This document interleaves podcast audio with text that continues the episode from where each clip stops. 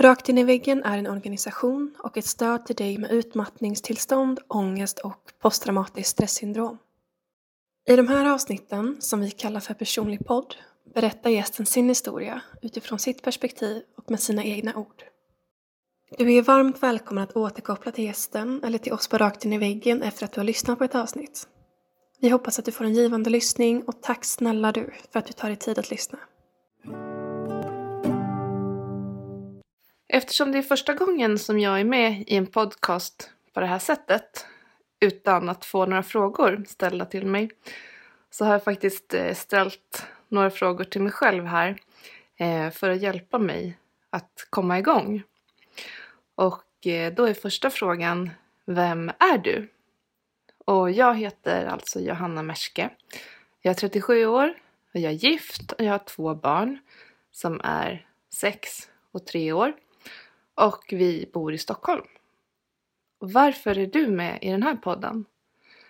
Jo, det är för att eh, jag vill dela med mig av min berättelse och min resa, eh, hur jag till slut hamnade i utmattning. För att jag tror så himla himla mycket på det här sättet att dela med sig och prata öppet om psykisk ohälsa. För att det är, kan vara väldigt igenkännande för andra och igenkänning eh, är, ett, är väldigt läkande. Och på det sättet tror jag att det här är väldigt, väldigt bra. Och också för att vi ska kunna lära oss och göra förändringar. Och för att kunna begränsa den psykiska ohälsan som breder ut sig allt mer idag. Och hur känns det här? Klassisk fråga. Eh, och det är kul, men också lite pirrigt. Eh, för jag är en person som väldigt lätt blir nervös. Och det känner jag faktiskt att jag är lite nu.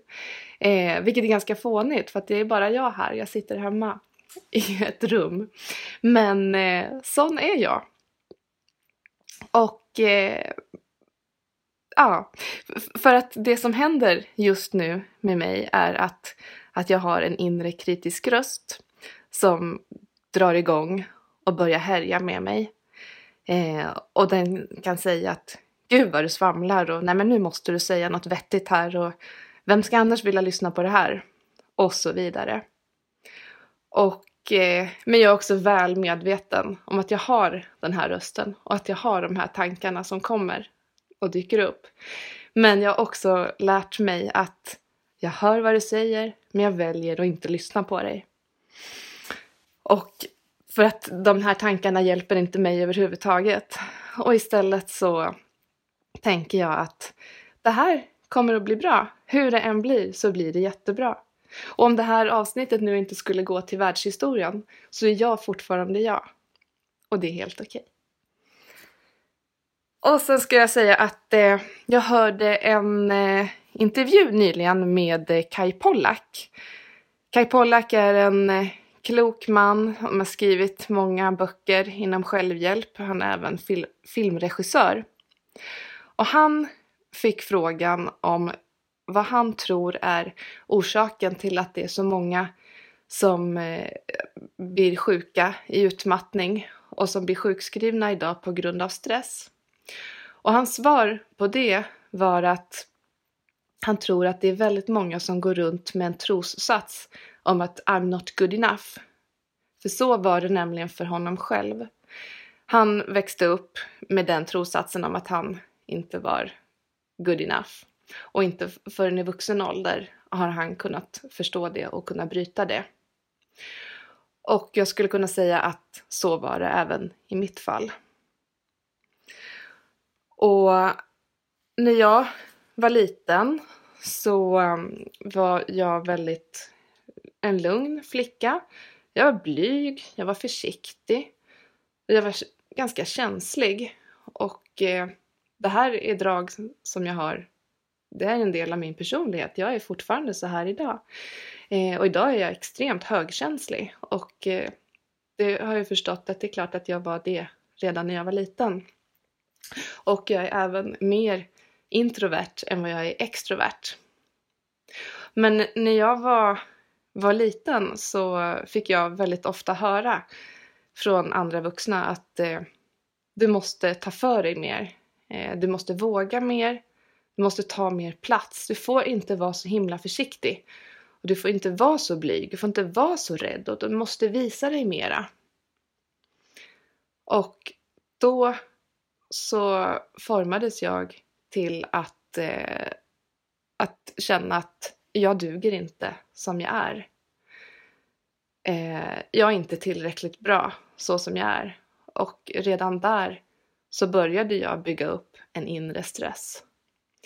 Och jag kände faktiskt skam kring min personlighet eftersom jag inte kände att jag dugde precis så som jag var.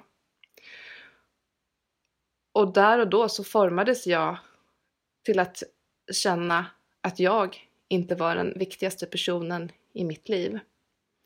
Eftersom jag inte var tillräcklig så som jag var. Och där började min självkänsla att slås ut.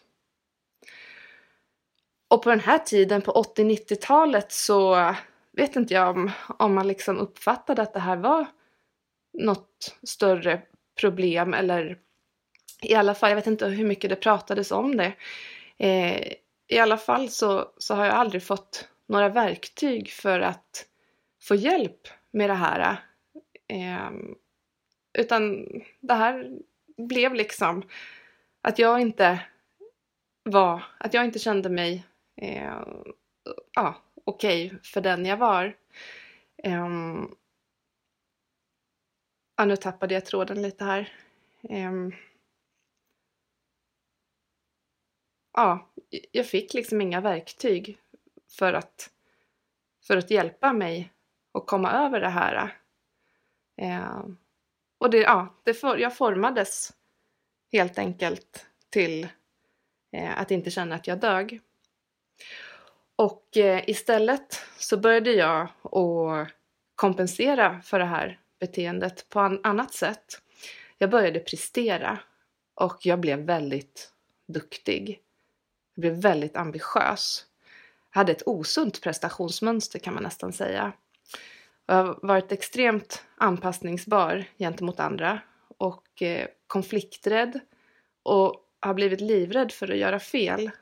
Och samtidigt har jag varit en kämpe och jag har varit världsmästare i att bita ihop och pressa mig själv. För det här var mitt sätt att passa in och bli omtyckt. Och det blev mitt sätt att inte bli utstött ur flocken. Och det är den strategin som jag har haft, som jag har burit med mig i princip hela mitt liv. Eh, fram till två år sedan när min kropp sa ifrån. Så jag har omedvetet så har jag inte fattat att det har varit så här förrän nu. Eftersom jag inte har känt att jag duger så har jag inte heller varit den viktigaste personen i mitt liv. Det gick bra för mig i skolan. Jag var ju som sagt en kämpe, uthållig sådan, så att eh, jag har ju kämpat och varit duktig, fått bra betyg. Eh, sen började jag plugga på, efter gymnasiet då så började jag plugga på universitetet. Och jag har, eh, jag har dubbla universitetsexamen. Och jag var enormt skoltrött. Men jag kämpade på. Jag tog aldrig ledigt. Och jag var väldigt uthållig och bara öste på. Och jag började vackla redan under den här tiden. Eh, jag var väldigt osäker på vad, vad jag egentligen ville göra. Men jag stannade aldrig upp och tog reda på det. Och det gick väldigt bra för mig. Som sagt, jag, jag är ju en kämpe. Och eh, pressade mig själv väldigt hårt. Och jag klarade alla tentor och allt sånt. Men jag mådde egentligen inte så bra. Och vad alla andra tyckte och tänkte var betydligt viktigare än vad jag själv tyckte och kände. Jag styrdes utifrån och in. Efter att jag hade pluggat klart så började jag min karriär, fick mitt första jobb. Och jag har haft ganska otur med mina jobb. Eh, jag har varit med om många omorganisationer och haft korta provanställningar. Och då, på, på fyra år så hade jag sju olika anställningar. Och däremellan så var jag arbetslös och sökte nya jobb och gick på jättemånga intervjuer. Och alla som någon gång har börjat ett nytt jobb vet att det är ganska krävande. Eh, det tar rätt mycket på krafterna att börja på en ny arbetsplats. Och att vara arbetslös och söka nytt jobb, bara det är ett heltidsjobb. Och självförtroendet är inte alltid på topp. Så det tog eh, väldigt mycket kraft av mig under den här perioden. Och eh, ja, min självkänsla fick sig en törn ännu mera. Dessutom så, så trivdes jag aldrig eh, särskilt bra med mina jobb som jag hade. Eh, det kändes aldrig helhjärtat och det kändes, kändes inte meningsfullt med det som jag jobbade med. Jag jobbade med fel saker. Och att, och att jobba med saker som inte är i samklang med sig, med sig själv, det tar enormt mycket kraft, mycket energiförlust. Men jag kämpade på och har stångats eh, och för det har jag fått betala ett väldigt högt pris. Sen så fick jag i alla fall ett jobb till slut där jag stannade i flera år. Och eh, jag kämpade på. Och sen blev jag gravid och jag har gått igenom två tuffa graviditeter och varit sjukskriven båda gångerna och mått väldigt dåligt. Ehm, och sen mitt första barn, eh, han är en high need baby. Det är han fortfarande.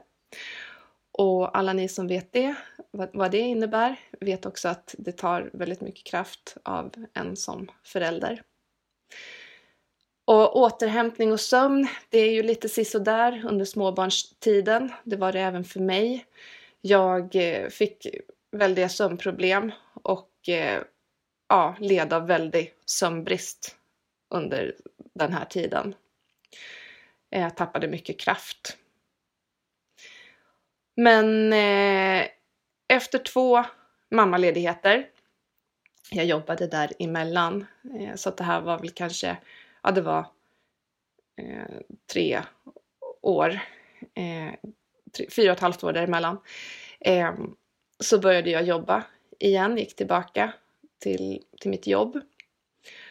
Eh, och då hade företaget som jag jobbade på hade genomgått en eh, omorganisation. Så att jag, när jag kom tillbaka från min mam mammaledighet så fick jag ett nytt jobb eh, på en ny avdelning, ny chef, nya, helt nya arbetsuppgifter och nya kollegor. Och här var jag egentligen som en urvriden disktrasa när jag gick tillbaka till jobbet. Jag var så jäklans trött och jag var helt slut. Men jag fortsatte att bita ihop och jag satte igång och jobba. Men eh, den här nya tjänsten som jag hade, jag kände redan från första veckan att jag vantrivdes. Det kändes bara så fel allting. Och eh, jag såg veckorna fram, jag såg veckan som en transportsträcka fram till helgen i princip. Men jag vet att jag tänkte att ah, jag har ju i alla fall ett jobb så vad gnäller du för? Men jag blev mer, jag började bli arg. Jag kände mig irriterad, bitter och jag var väldigt arg på mina barn. Jag fick svårt att sova. Jag var konstant uppjagad och väldigt stressad. Jag eh, fick problem med minnet och koncentrationen och upplevde väldigt mycket yrsel. Och det tog tio veckor eh, som jag klarade av att ha det på det här sättet. Eh, en eftermiddag när jag åkte hem från jobbet så vet jag att jag satt i bilen på väg hem och grät. Tårarna sprutade okontrollerat. Och jag vet att jag tänkte att amen, jag har världens finaste man, två underbara barn. Um, jag har ett jobb på ett bra företag, vi har ett hus, jag har massa fina vänner, stor familj. Jag har till och med en Rolex-klocka på armen. Men någonting i mig skavde så in i helskotta. Jag kände mig så vilsen och undrade om livet verkligen skulle vara så här. Um, jag gick tillbaka till jobbet dagen efter. Um, men bröt ihop, åkte hem och sen kom jag aldrig mer tillbaka. Jag blev sjukskriven för utmattning och i samma veva så sa jag upp mig och hoppade av hela ekorrhjulet. För jag förstod att jag behövde få vila. Jag behövde tid för läkning och tid för återhämtning. Och tid att ta hand om mig själv och om min familj. För jag kände att jag var helt fast i det här ekorrhjulet som jag inte trivdes i. Och jag trivdes inte med livet. Och jag förstod att vara sjukskriven i några månader och sen gå tillbaka till jobbet, det skulle inte göra mig frisk. Utan jag förstod att jag behövde göra en, en förändring och att den förändringen behövde börja i mig. Jag behövde få lära mig på nytt. Jag behövde få lära om och lära mig att jag duger som jag är. Den pusselbiten som jag alltid har saknat. Så sen började jag att jobba med mig själv. Jag har jobbat jättemycket med mig själv. Jag har träffat en coach som har hjälpt mig otroligt mycket. Jag har läst jättemycket litteratur på, om självhjälp och stress. Och jag har lyssnat på väldigt mycket poddar som handlar om stress, utmattning och eh, personlig utveckling. Och under den här tiden så har också det här enorma intresset för hälsa, både fysisk hälsa och mental hälsa, vuxit fram hos mig. Jag har låtit det få komma fram. Eh, och jag är väldigt intresserad av just den hållbara hälsan, att vi anammar en hållbar livsstil och saker och ting, vad som betyder, vad, vad som betyder något på riktigt. För mår inte sinnet bra, mår inte kroppen bra. Och mår inte kroppen bra, mår inte sinnet bra. Det hör ihop. Och för ungefär ett år sedan är det så, eh, så lamslogs ju världen av den tragiska nyheten att Avicii hade tagit livet av sig. Och jag såg den dokumentären, True Stories, jag såg den flera gånger. Och den berörde mig så väldigt djupt. Ja, det är bland det värsta jag har sett faktiskt. Och då så kände jag att nej, nu får det banne mig vara nog. Jag vägrar att stå och se på och se på hur, eh, hur fler faller offer för psykisk ohälsa. Och där så kände jag mitt kall. Eh, att, att vi börjar jobba med det här. Och att människan, människans hälsa måste få vara det viktigaste. Och jag kände att, att jag måste jobba med det här. Jag måste få hjälpa, hjälpa världen till en bättre, en mer välmående plats att vara på. Och jag vill inte att mina barn ska växa upp i, i ett sånt här klimat. Så nu så pluggar jag till coach inom stresshantering, självledarskap. Och eh, jag har äntligen hittat min grej och det jag vill göra. Och idag så mår jag så himla bra. Eh, jag har nog aldrig varit starkare, vare sig fysiskt eller, eller mentalt, som jag är idag. Kan även nämna att jag eh, har utbildat mig till eh, gympaledare på Friskis och Svettis och det är en, en dröm och en längtan som har legat eh, dold väldigt länge. Och det har jag gjort nu och det är helt fantastiskt kul. Eh, jag har eh, anammat ett starkt inre självledarskap och jag har en hållbar livsstil och jag lever medvetet varje dag utifrån vad som är viktigt för mig och mina behov och vad jag mår bra av. Och det här jobbar jag med varje dag. För att jag är viktig. Och jag måste må bra för att kunna finnas till för andra och för att kunna vara den viktigaste personen för mina barn. Och idag så känner jag mig så himla mycket good enough. Och jag lever inifrån och ut. Och jag har hittat mitt inre lugn för att jag ska kunna hantera allt som sker på utsidan. Jag har eh, accepterat hela mig med mina fel och brister. Men jag har också hittat mina styrkor. Och jag läste en grej som jag skulle vilja avsluta med. Det är en fråga och den lyder så här att Finns det någon i ditt liv som inte skulle kunna svika dig? Alltså finns det någon i ditt liv som inte skulle kunna svika dig? På den frågan så ska du kunna svara ja.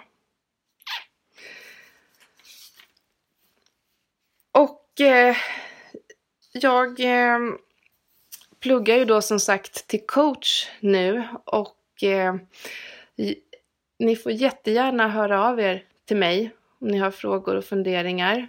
Och eh, jag vill säga att, att jag kommer börja ta emot eh, klienter från och med april.